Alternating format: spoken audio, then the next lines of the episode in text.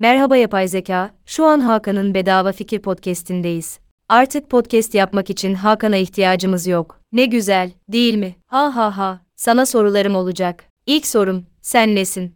Ben bir dil modeli olan Assistant ve OpenAI tarafından eğitilen bir dil modeliyim. Dil modeli, bir dilin yapısını ve kurallarını öğrenerek insanların yazdığı veya konuştuğu dil için anlamlı cevaplar verebilen bir yazılım sistemidir. Ben dil modeli olduğum için insanların sorularına cevaplar verebilirim, ancak ben gerçek bir insan değilim ve insanlar gibi düşünemem. Tamam.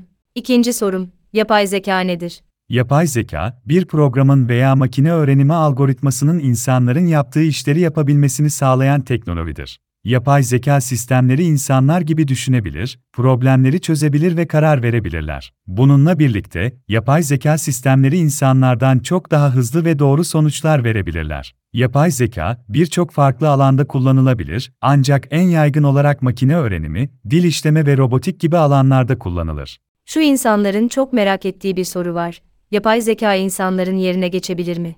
Yapay zeka, insanların yaptığı işleri yapabilen bir teknolojidir, ancak bu teknoloji insanların yerine geçemez. Yapay zeka sistemleri insanlar gibi düşünebilir, problemleri çözebilir ve karar verebilirler, ancak bu sistemler insanların yerine geçemez çünkü insanlar gibi düşünemezler ve insanların yaptığı pek çok şeyi yapamazlar. Örneğin, yapay zeka sistemleri insanlar gibi duygu ve düşünceleri olmadığı için insanlar gibi sevinç veya üzüntü duyamazlar. Ayrıca, yapay zeka sistemleri insanların yapabildiği kadar esnek değildir ve insanların yapabildiği kadar çok sayıda işi yapamazlar. Yapay zeka dünyayı nasıl değiştirebilir?